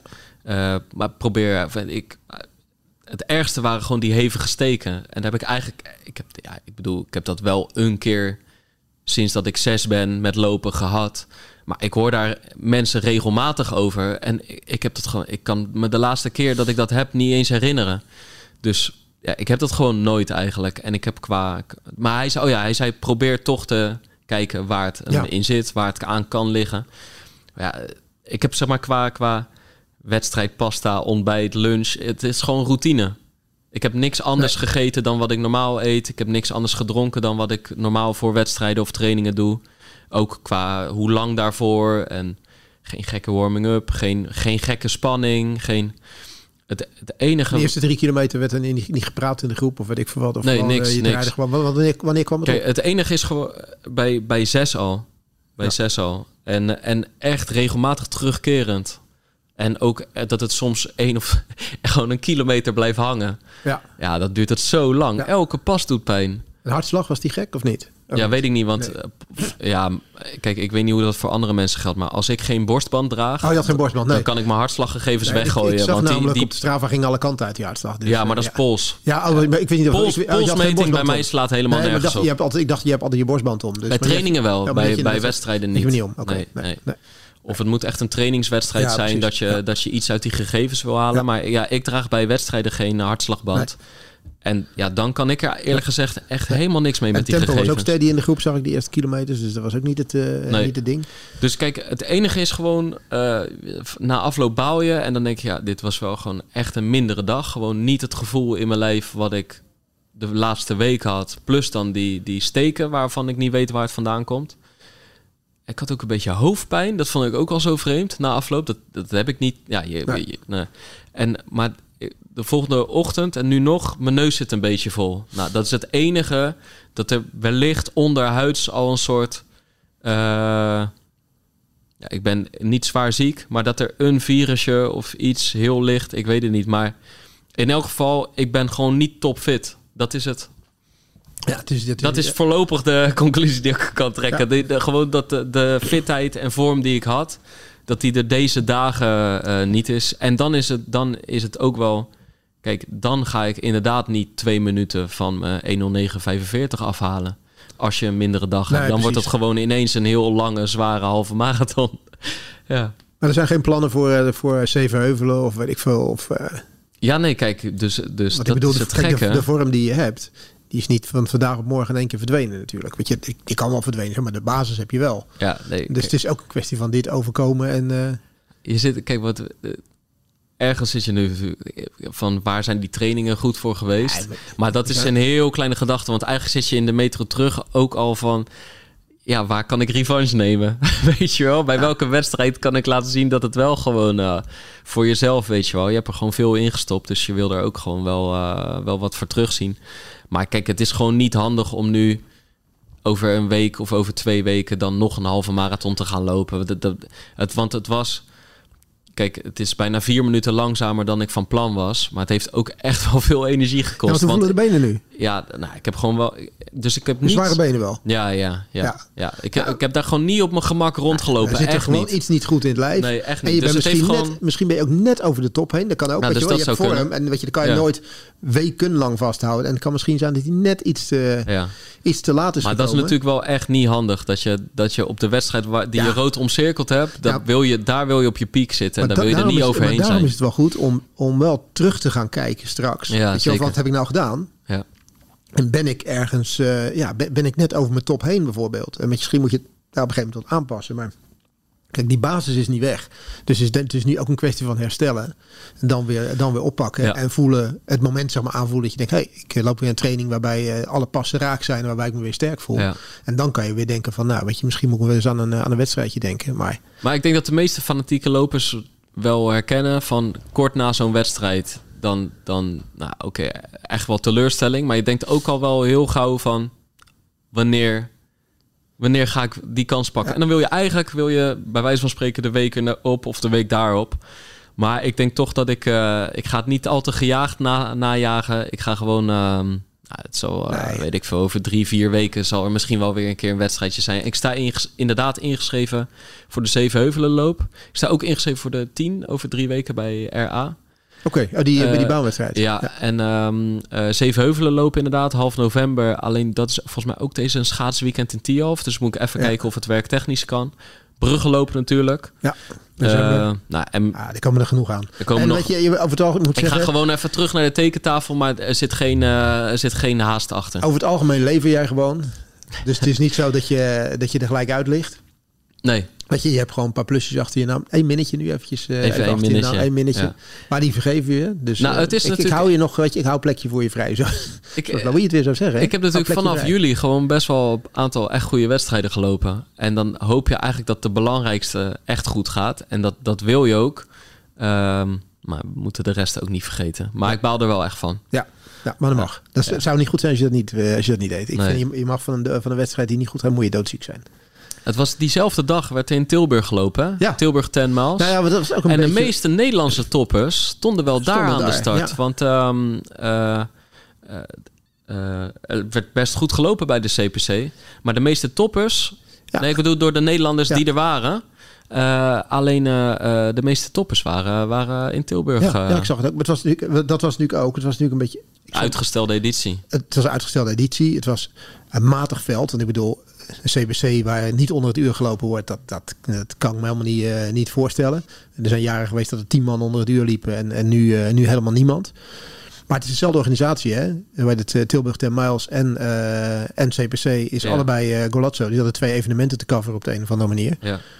Dus daar zal het misschien deels aan gelegen hebben. Maar ik, ja, ik vond het ook. Het was, het was matig bezet. En er werd in ieder geval wel weer eh, in, in, eh, in Tilburg werd hard gelopen. Want ik vond bij de dames stonden ook gewoon de beste dames stonden daar op de 10 kilometer aan de start. hè. ja, Die hadden natuurlijk vorige week, eh, of twee was het vorige week of twee weken geleden alweer Dam te Damloop gedaan. Ja.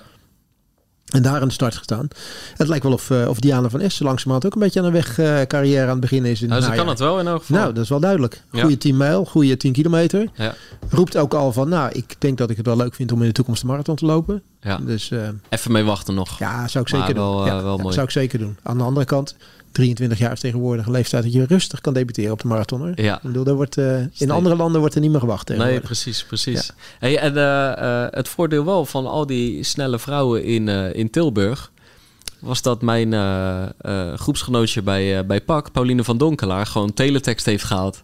Ja, wat, wat, Die liep zij? eh, kort onder de 1,20, Ja. nieuw PR op de halve. Ja, ik zag en, Steffi ook onder de, onder de 1,20. Precies, en, Dus, dan, eh, en dan sta je gewoon op teletext dezelfde zeker. avond. Zit je er gewoon bij? Dat is goed, Ja, hè? Wat dat betreft doet eh, de, het, de ploeg van, van René Kuijs, die doet het, eh, die Uitstekend. doet het goed, hè? Ja. Ja, ja. Mooi toch? Ja, zeker. Heb je René's nieuwe uitdaging nog eventjes gezien? Want die heeft ook wel weer een, een mooie uitdaging eventjes, toch? Wat dan? Die gaat die ehm, Ja, backyard, gaat, gaat de, de backyard ultra gaat hij doen. Ja. Het wereldkampioenschap backyard ultra wordt in Gorkum gehouden. Ja, ja. En ik had gisteren, ja, dit wordt heel verwarrend. Ik had gisteren contact met de andere René, Bleujanus, van, het Ja. P- van de Oh, logo. ja. Die zich Die er ook, organiseert eh, het, hè? Precies. Dat is de man en die had een soort meeting gehad. En die, eh, die gaf de namen door van de Nederlandse WK-ploeg, zeg maar. Ja. En ehm, ja, ze, ze gaan geloof ik voor 48 uur. Ja. Dus dat je gewoon Ja, twee dat- dagen die achtereen die rondjes van 6,7 Die gaat, eh, gaat hebben ze. hè? lopen. Ja, ja, Ja. Want even voor de, voor, de, voor de uitleg. We hebben er al wel eens over gesproken. Ja, al een paar Eh, keer. het is een rondje van 6 kilometer. Hè? En Z- ieder- 6,7 of 6,7 6,8. kilometer. Ja, je start zeg maar, op het hele uur. ja. Je loopt die 6 kilometer. Je hebt rust totdat eh, de klok weer slaat voor het volgende uur. En je gaat weer aan de start. En dan hebben ze een verwachting dat de winnaar dat inderdaad ongeveer 48 uur kan volhouden. ja, Om 6,7 kilometer binnen een uur af te leggen. ja, Dat is ja. wel bizar. Hè? Ja, echt, echt bizar. En eh, ja, je, je krijgt natuurlijk ook gewoon slaaptekort en alles, hè? En ik ken het van die documentaires. Het is gewoon bij slaaptekort. Op een gegeven moment gaan, gaan mensen hallucineren en zo. Laatst die, die, die, die, die Belg, die was op een gegeven moment eh, aan een, eh, eh, tegen een prullenbak de weg aan het vragen, weet je wel. Ja, dat, soort, dat soort dingen. Ja, maar, dat, ja, maar, dat, ge- maar dat gebeurt er ook. Op het moment, ik bedoel, kijk zelf als je weet het, eh, slaapt of weet ik veel wat. En je wordt soms wakker, weet je ook niet meer waar je, waar je bent. En ik denk dat die, dat die lopers gewoon eigenlijk tijdens het lopen min of meer in slaap vallen. Ja. Je weet dus zoiets van, nou, die benen blijven maar doorgaan. Maar die slapen, die slapen gewoon tijdens het lopen. Dus ja, Ja. weet je, voor hetzelfde dat ontstaat er een droom of weet ik veel wat. Ja. En die gaat, nou, stel je inderdaad een vraag aan de prullenbak of weet ik veel wat, wat er gebeurt. Je hebt van die... eh, het enige is, ze moeten wel de klok in de gaten houden. Want ze Ja. moeten wel voor het, voor het uur moeten ze binnen zijn. Kijk, je- volgens mij, die, eh, volgens mij Hinke Schokker doet bijvoorbeeld mee. Gerben Oevermans uit deze regio. Ook zo'n ultraloper. Die toen volgens mij dat record ook van het Pieterpad Ja, ja, ja. eh, even, even neergezet. Maar ehm, allemaal gewoon waanzinnige ultralopers. Maar je hebt van die verhalen van, van die kleine vogeltjes... die dan van hier naar Afrika vliegen, weet je wel? de trektocht, zeg maar. Ja, ja. en die doen Die van die... begonnen onder, Die, onder- ja, en, en die maken van die minuscule slaapjes. Gewoon van één seconde of zo. Dat ze gewoon tijdens het vliegen toch even... Dan maken ze even een duikvluchtje ja, ja, of dat ze één hersenhelft uitzetten, weet je wel. En met de andere nog wel nadenken zijn. Dus misschien is dat ook wel iets voor Gerben Oevermans om, om aan te denken. Dat je e- even, even je linkerbrein even uitzet. Ja, maar dat je weet, maar ook, maar ook dat. En dat je dan weet dat je, de, dat je gaat beginnen. Ja, Maar je weet dus waarschijnlijk dat je, ja, dat je als je op zaterdagmorgen begint, dat je ergens op maandag, eh, maandag, einde van de, ma- maandag ergens einde van de ochtend, dat dan ongeveer de finish zal zijn. Dat je tot zover zal moeten gaan. ja. Maar hoe zat het met je? te- Kijk, als jij nou een beetje slaapt onderweg, en die tegenstander ook, weet je wel. dat- het lijkt me, weet je, ik denk je moet gaan kijken volgens mij. Maar je moet, je kan er in het begin kan je erbij zijn, dan, is, dan zal, er, zal er een gezellige sfeer hangen. ja, Maar ik denk als je na 24 uur gaat kijken, dat er een hele andere sfeer hangt. ja, ja. En dan wil ik al die slaapwandelaars Ja. eh, of die slaaphardlopers wil ik wel eens, eh, wil ik wel eens zien. Dus Het is eh, over iets minder dan drie weken. In 15 het, oktober, in het weekend van de Marathon van Amsterdam ook. ja, is het. En ja, in Gorkum dus. ja. en Ja. nee, wij- ja, ja, ja, krankzinnig heb evenement. niks, ja, weet je, heb, heb je niks te doen, ga er naartoe. Het is de woonplaats van René, die organiseert dat. En daar kan je vanuit gaan dat het goed gaat. Hij denk ik organiseert, want hij wilde het origineel eerst in het Lagerbergse Bos organiseren. Ja, Dat kreeg hij niet rond, omdat er continu zeg maar EHBO bij moest eh, zijn. Ja. Uiteindelijk heeft hij het naar Gorkum, zijn eigen woonplaats, heeft het eh, gekregen. En daar moet het dan, eh, moet het dan wel gaan gebeuren. Zal een goed, zal een goed parcoursje zijn. ja. Nu we het toch over de ultra hebben, eh, Erik. Je hebt die gekke Alexander Sorokin. Ken je die? die De naam zegt me vaag iets. Ja, nou ja, uit, uit Letland of Litouwen. Ja, sorry, ik ben er niet Ja. helemaal in thuis. Maar die- heeft dus laatst het nieuwe wereldrecord van de 24 uur hardlopen verbroken. Wat denk jij dat, dat zo'n man, de beste ooit, op vier, in 24 uur hardloopt? Tot welke afstand die, eh, die komt? Nou, laat ik, ehm, als ik ervan uitga dat hij 12 km per uur loopt, dan zou het, als hij 12 km per uur loopt, zou het 240 moeten zijn. Hij is misschien, ja, ik denk dat hij gemiddeld, ik, ik weet het totaal niet, maar ik denk tussen de 12 en 13 km per uur. Dus ik schat tussen de 240 en 260 kilometer. Gokje. Alexander Sorokin heeft in eh, Verona, Italië, hij komt uit Litouwen, Ja. het nieuwe wereldrecord gezet op 320 wacht even. kilometer. Het is 24, het 24 uur. Ja, je zei, ik, zat, ik zat 20 uur zat ik te denken. Dus Ah, ik zat, oké. ik zat, ik zat maar 10 uur. Even kijken. 300? 320. het Ja, is- dat kan dan, dat kan dan, eh, Kijk, hij ging van hij, zijn eerste 50 kilometer gingen gemiddeld in 3 minuten 58. Ja, nee. Van 50 tot 100 in 404. Van 100 tot 150 in 414 gemiddeld. Van 150 naar 200 431. Van 200 naar 250 444. Van 250 naar 300 in 5 minuten gemiddeld. En van 300 naar 320 nog altijd in 5 minuten en 9 seconden gemiddeld. Ja, dus een he- Het dan is heeft hij totaal gemiddelde van 430 of zo gelopen. Ja, dit is, Iets in die dit is- geest, hè? Dit is ik- toch bizar? Ik dacht, ik dacht 12, tussen de 12, ja, dat kan wel. Ik dacht, ik dacht wel ergens tussen de 12 en 13 km per uur moeten ze dan gewoon kunnen halen. En hij had die 13 km per uur eigenlijk continu. 13,5 zo'n beetje, denk ik. ja. Ja, dat is niet, dat is niet normaal. Is dat. En hij heeft dus op zijn Instagram heeft hij zondag geplaatst. When I saw Berlin Marathon 5 kil- kilometer splits of Kipchoge Elliott, I understood I need more interval training. Goed hè? Het, is jammer dat, het is jammer dat het een Rus is. Nee, het hij komt uit Litouwen. Uit Litouwen, Ja. of wat dan ook. Want die Ja. hadden we wel eens... Kijk, als je nou een beetje normaal Nederlands sprak... Ja. dan hadden we die wel eens in de uitzending mogen hebben. Ja, maar, misschien, goed, weet je, ik weet als er nou, eh, ja, we moeten daar toch misschien de afgelopen keertje aandacht aan besteden. Een van die jongens die meegedaan, die door die 24 uur heen gegaan is, Zeker. dat we die een keer gaan spreken. Ja. Want wij willen toch horen hoe dat. Ja, en, Hoe dat- en- en na, afloop, gaat. na afloop lijkt me mooier dan vooraf. Ja, Want vooraf ga je fantaseren over hoe zwaar het zou kunnen zijn. Maar er gaan weer dingen gebeuren. Iemand gaat daar verdwalen in dat bos natuurlijk. Dat hij een afslag verkeerd neemt. Ja, en die mag aannemen dat, ja, dat, ja, ik denk, ik denk dat je op een gegeven moment moet je goed alles afsluiten. Dat, hij niet meer, dat, hij, dat je geen bochten kunt missen. Ja, ja, ja. Nee, we, goeie. Na afloop kijken we wie, eh, bij wie het mooiste verhaal ligt. Ja, en, ja. eh, zeker. En dan gaan we, door, gaan we, gaan we gewoon door die dag heen. of door de En twee dagen Door de heen. twee dagen heen, zeg maar, wat er allemaal, eh, wat er allemaal gebeurt. Ja, ja. Maar goed, weet je, die 24 uur, die, die jongen die 24 uur, die loopt continu door. Die, want die heeft toch, als je, dit, als je die gemiddelde ziet, ja. dan ja, hij moet ergens misschien heel even gestopt hebben om toch even wat te eten. Ja, Dus of kan wellicht doe je... Doe, ik weet niet hoe... Ik heb het natuurlijk niet gezien, maar wellicht doe je een droog shirt aan. Of, Ja. of wissel je van sokken en schoenen. Of, of pak je toch... eh, Ik kan me voorstellen dat je een bidonnetje even rustig aanpakt. dat- ja. Maar, maar je moet... Je, ja, dit is gewoon voornamelijk gewoon blijven anders, hardlopen. Ja. Kan volgens mij niet, eh, Ja, niet anders. Dus er moet wat, eh, moet wat gebeuren. ja, bijzonder. Echt bijzonder. Maar we, moeten- we gaan daar aandacht aan besteden. Want ik, ik, wil dat, eh, ik wil dat wel weten. Ja. Hoe dat Hey, zit. en eh, ehm, eh, volgens mij moeten we afronden. Jij Ja, moet zo ja, als de wiede weer gaat door Ja. hè, naar een nieuwe afspraak. Alleen, ehm, eh, ik had een prijsvraag gekoppeld aan Oh. mijn eh, eindtijd van de CPC. En eh, dan, zie je alle, dan zie je hoeveel, hoeveel vertrouwen de goede gemeente Ja. eh, in mij heeft. Hè? Ja. Maar nu, Dat je, dat je gewoon door die, al die reacties aan het scrollen bent en dat je denkt, poeh, dat, wordt een flink, flinke kluif. En, de, en ik had bij één gozer gereageerd, die had 10550 opgegeven. Ik zei, ik vrees niet dat jij hem gaat winnen, vriend. aardige jongen, weet je wel, je Ja, iets optimistisch. ja, maar, maar, nu ehm, moet je gewoon, moeten we eigenlijk je op zoek moeten naar iemand die er eigenlijk totaal geen vertrouwen in heeft. Ik- die ik- denkt, ik had kletsmajor, die, eh, die bijl. Ja, Doe ik uit. ja, Maar- toeter. ja.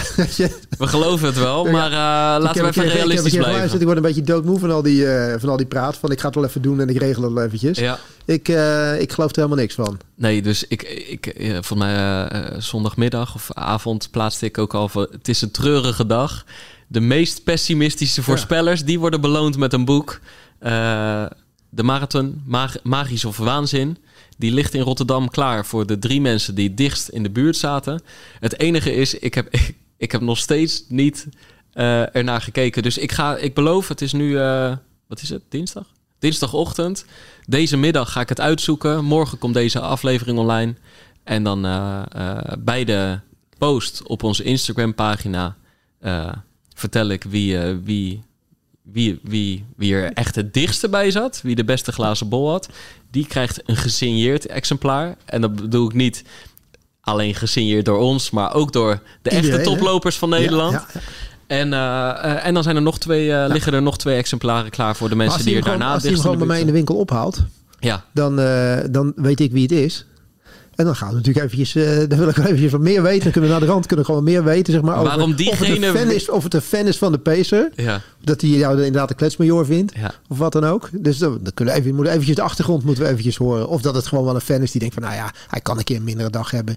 En ik gok er gewoon op. Weet je, die heb je ook. Die gewoon die een negatieve uitslag inzetten. Ja, of, of dat hij gewoon, dat hij gewoon door mijn Strava is gaan scrollen. En dat hij heeft gedacht, nou, die kan nog wel eens last van steken krijgen Ja, komende precies, zondag. Die heeft wel erg zijn. veel gedaan afgelopen dinsdag. Maar weet je, Die- die, die zit er ook in. Dat er iemand is die gewoon die podcast geluisterd heeft. En na een kwartier uitgezet heeft. Ik denk, ik ben klaar met die, met die jongen. Ja, of podcast geluisterd. Die hoort dat verhaal over die bruiloft in Frankrijk. Ja, en die dacht, je, nou, neemt de zaak helemaal niet ga maar weg met je PR-ambities. Zie ze met z'n allen in dat zwembad springen op een gegeven moment. Ja. En dus gewoon één grote... eh, dat, zo, zo bereid je zeg maar je halve marathon niet voor. Ja, En eh, ja, nou, dat kan het ook nog zijn. Hè? kern van waarheid. Kan het ook nog zijn. Nee, maar kijk. Een week van tevoren in de lampen hangen in Frankrijk draagt niet bij aan een halve marathon. Maar ik ben 30, jonge god. Daar herstel, daar herstel ik van. En eh, eh, Ik, ik weet dat Guido en, en Michel die luisteren hem terug. En die luisteren meestal het laatste Ja, stukje die- Ik weet niet hoe, zeg maar, hoe die reageren kijk, nu op deze uitspraak. Michel is het topsporthart bloed natuurlijk nu aan Nou alle ja, kanten. Die, die van Michel, maar die van Guido ook wel eventjes. Ik Alleen- denk dat je alleen wordt kijk, geëvalueerd daar Alleen één ding, één Nou, ding. gaat, eh, daar heb ik, nu, ik heb natuurlijk in Frankrijk wat verloren, maar niet 3 minuten 50. Nee, maar goed. Weet je, kijk, het Zo, al- was een goed feest, Nee, maar... maar, maar het is niet alleen dit. Weet je, je laat ook je begeleiders een beetje zitten. Ik bedoel, de- deze, weet je, ja, dus ook. Guido en het is, ook de goede naam van Guido en, eh en, Ja. het, en Michel, die hier eh, Ja, maar een beetje door... eh, ja, ik zal niet zeggen door het slijk, maar gewoon Ik- toch eventjes... Ja, die, die moeten toch ook eventjes... Ik denk, eh, godverdorie, maar dat je die... ik neem deze er mindere dag aan. op mij. Ja, Ja, Ja, maar de goed. verantwoordelijkheid ligt bij mij. weet je, dus ik vind wel, er moet wel goed naar gekeken worden, want dat kunnen ze, dat kunnen ze niet blijven veroorloven, dit, eh, dit, dit soort, De- eh, dit nee, soort, eh, maar het, het- uitspattingen. weet je echt, Erik? Ik baal, maar het komt goed. Er, ga- er gaat, eh, er gaat een, eh, een mooiere tijd uitrollen. Is goed. Niet, eh, niet deze dagen, niet volgende week, maar Ja, je hoeft er niet verder over uit te het wijden. zit ergens in het lijfje. Het, je hoeft niet over uit te wijden. Het is gebeurd. Het kan een keer gebeuren. Ja. Ook de grote Pim Bijl, die, eh die heeft een keer een, eh, show die niet heel te- even succesvol is, is geweest. Nee, inderdaad zeg. En ja, daar zou je mee moeten leren leven. Maar hey, het is, het is, ik, moet, ik moet er vandoor. Ja, nee. En ehm, eh, da- dan nog, dan nog één ding. Gewoon eh, toch even de mini-repo met Bottle Klaus terugkijken. Het- Ik denk dat iedereen een Bottle Klaus in zijn leven nodig heeft. Die gast die heel tijd op zijn racefietsje ging die weer naar de nieuwe Oh, ja, ja. drankpost van Kipchoge. En dan geeft hij die bidon aan met een soort fanatisme. Ja. Nou, dat is gewoon, die was er. dat Die toch was een mega verantwoordelijkheid. Ja, en elke keer als hij die bidon had afgegeven, we kenden de beelden al van eerdere jaren. Keihard Yes. juichen, weer die fiets op. En door. Ja. Ja. Ah, dus aan alle bidon-aangevers bij, bij, bij de marathons van Eindhoven en Amsterdam, die liggen, die, hè, we kunnen Zorg- ze al ruiken. Ik wil datzelfde Ik fanatisme zeggen, van dat- Klaus dat- eh, precies, bij jullie dat zien. Moet, eh, dat moet gebeuren. Kijk, Ja. Dat is ongelooflijk belangrijk dat dat, eh, dat, Ja. dat gaat gebeuren. Hey, de volgende afspraken staan al in onze agenda. Zeker. Er zitten mooie afleveringen, we verklappen niks, maar er zitten mooie We afleveringen aan kunnen te wel een komen. beetje aangeven welke kant het op gaat, toch? Ja, We nee, gaan het in ieder geval over een marathon hebben volgens mij. we zijn weer helemaal terug hè, bij onze oude stiel. Ja hoor. Ja, maar het mag in deze ja, maand. Ja, er Toch? komen, er komen Nieuw- wat marathons aan waar we over gaan spreken. Dat is goed. Ik, eh, ik ga morgen even die ledenhozen aantrekken. En dan, Oh, eh, jij gaat naar Oktoberfest. ik ga naar het Oktoberfeest. En drie keer bier. Even tussenstop in Rotterdam voor de Pacer en je gaat weer En terug. vervolgens ga ik weer door. Ja. Morgenochtend een vliegtuig in, donderdag weer terug. En, eh, En dan, en dan een cola zero eh, bestellen. En een colaatje zero en een bokworst natuurlijk. Hè. Bokworst mag niet, eh, mag niet ontbreken volgens mij. Eh, weet je wie ik En we vorige gaan met week... allemaal hardlopers. Hè. Dus het is niet zo. Het zijn alleen maar hardlopers waar we mee gaan.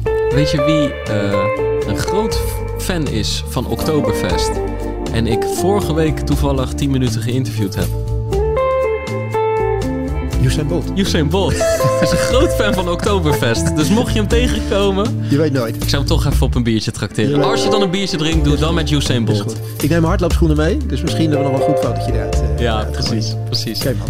Hey, eh, iedereen, succes met jullie volgende loopjes, wedstrijden. Blijf lopen, blijf luisteren en tot de volgende Pacer. Dit is de gevreesde zoemer die na 60 seconden pitchen afgaat. Lukt het startende ondernemers om binnen deze tijd hun businessidee uit te leggen aan een vakkundige jury? Welkom op de stip. Ben je er klaar voor om jouw pitch te gaan geven? As ready as can be, ja. Ik ben er klaar voor. Denk het wel. Ik, Fabienne de Vries, neem jou mee in Droomstart. Die klok maakt je wel zenuwachtig. Een unieke podcastserie van de ondernemer waarin we ambitieuze Nederlanders volgen bij het starten van hun eigen onderneming. Ik kan me niet voorstellen dat iemand hier komt, ik ben beter dan Google. Maar wat ik wel weet, is dat zij het niet doen. En jij bent erbij. Vanaf die eerste spannende pitch tot aan de meest cruciale momenten van hun weg naar succes. Ik heb nooit geleerd om te zeggen van, eh, oh, ik ben het waard. Volg Droomstart in je favoriete podcast-app en mis niets van dit unieke kijkje achter de schermen. Droomstart is een initiatief van de ondernemer en podcastbureau As We Speak.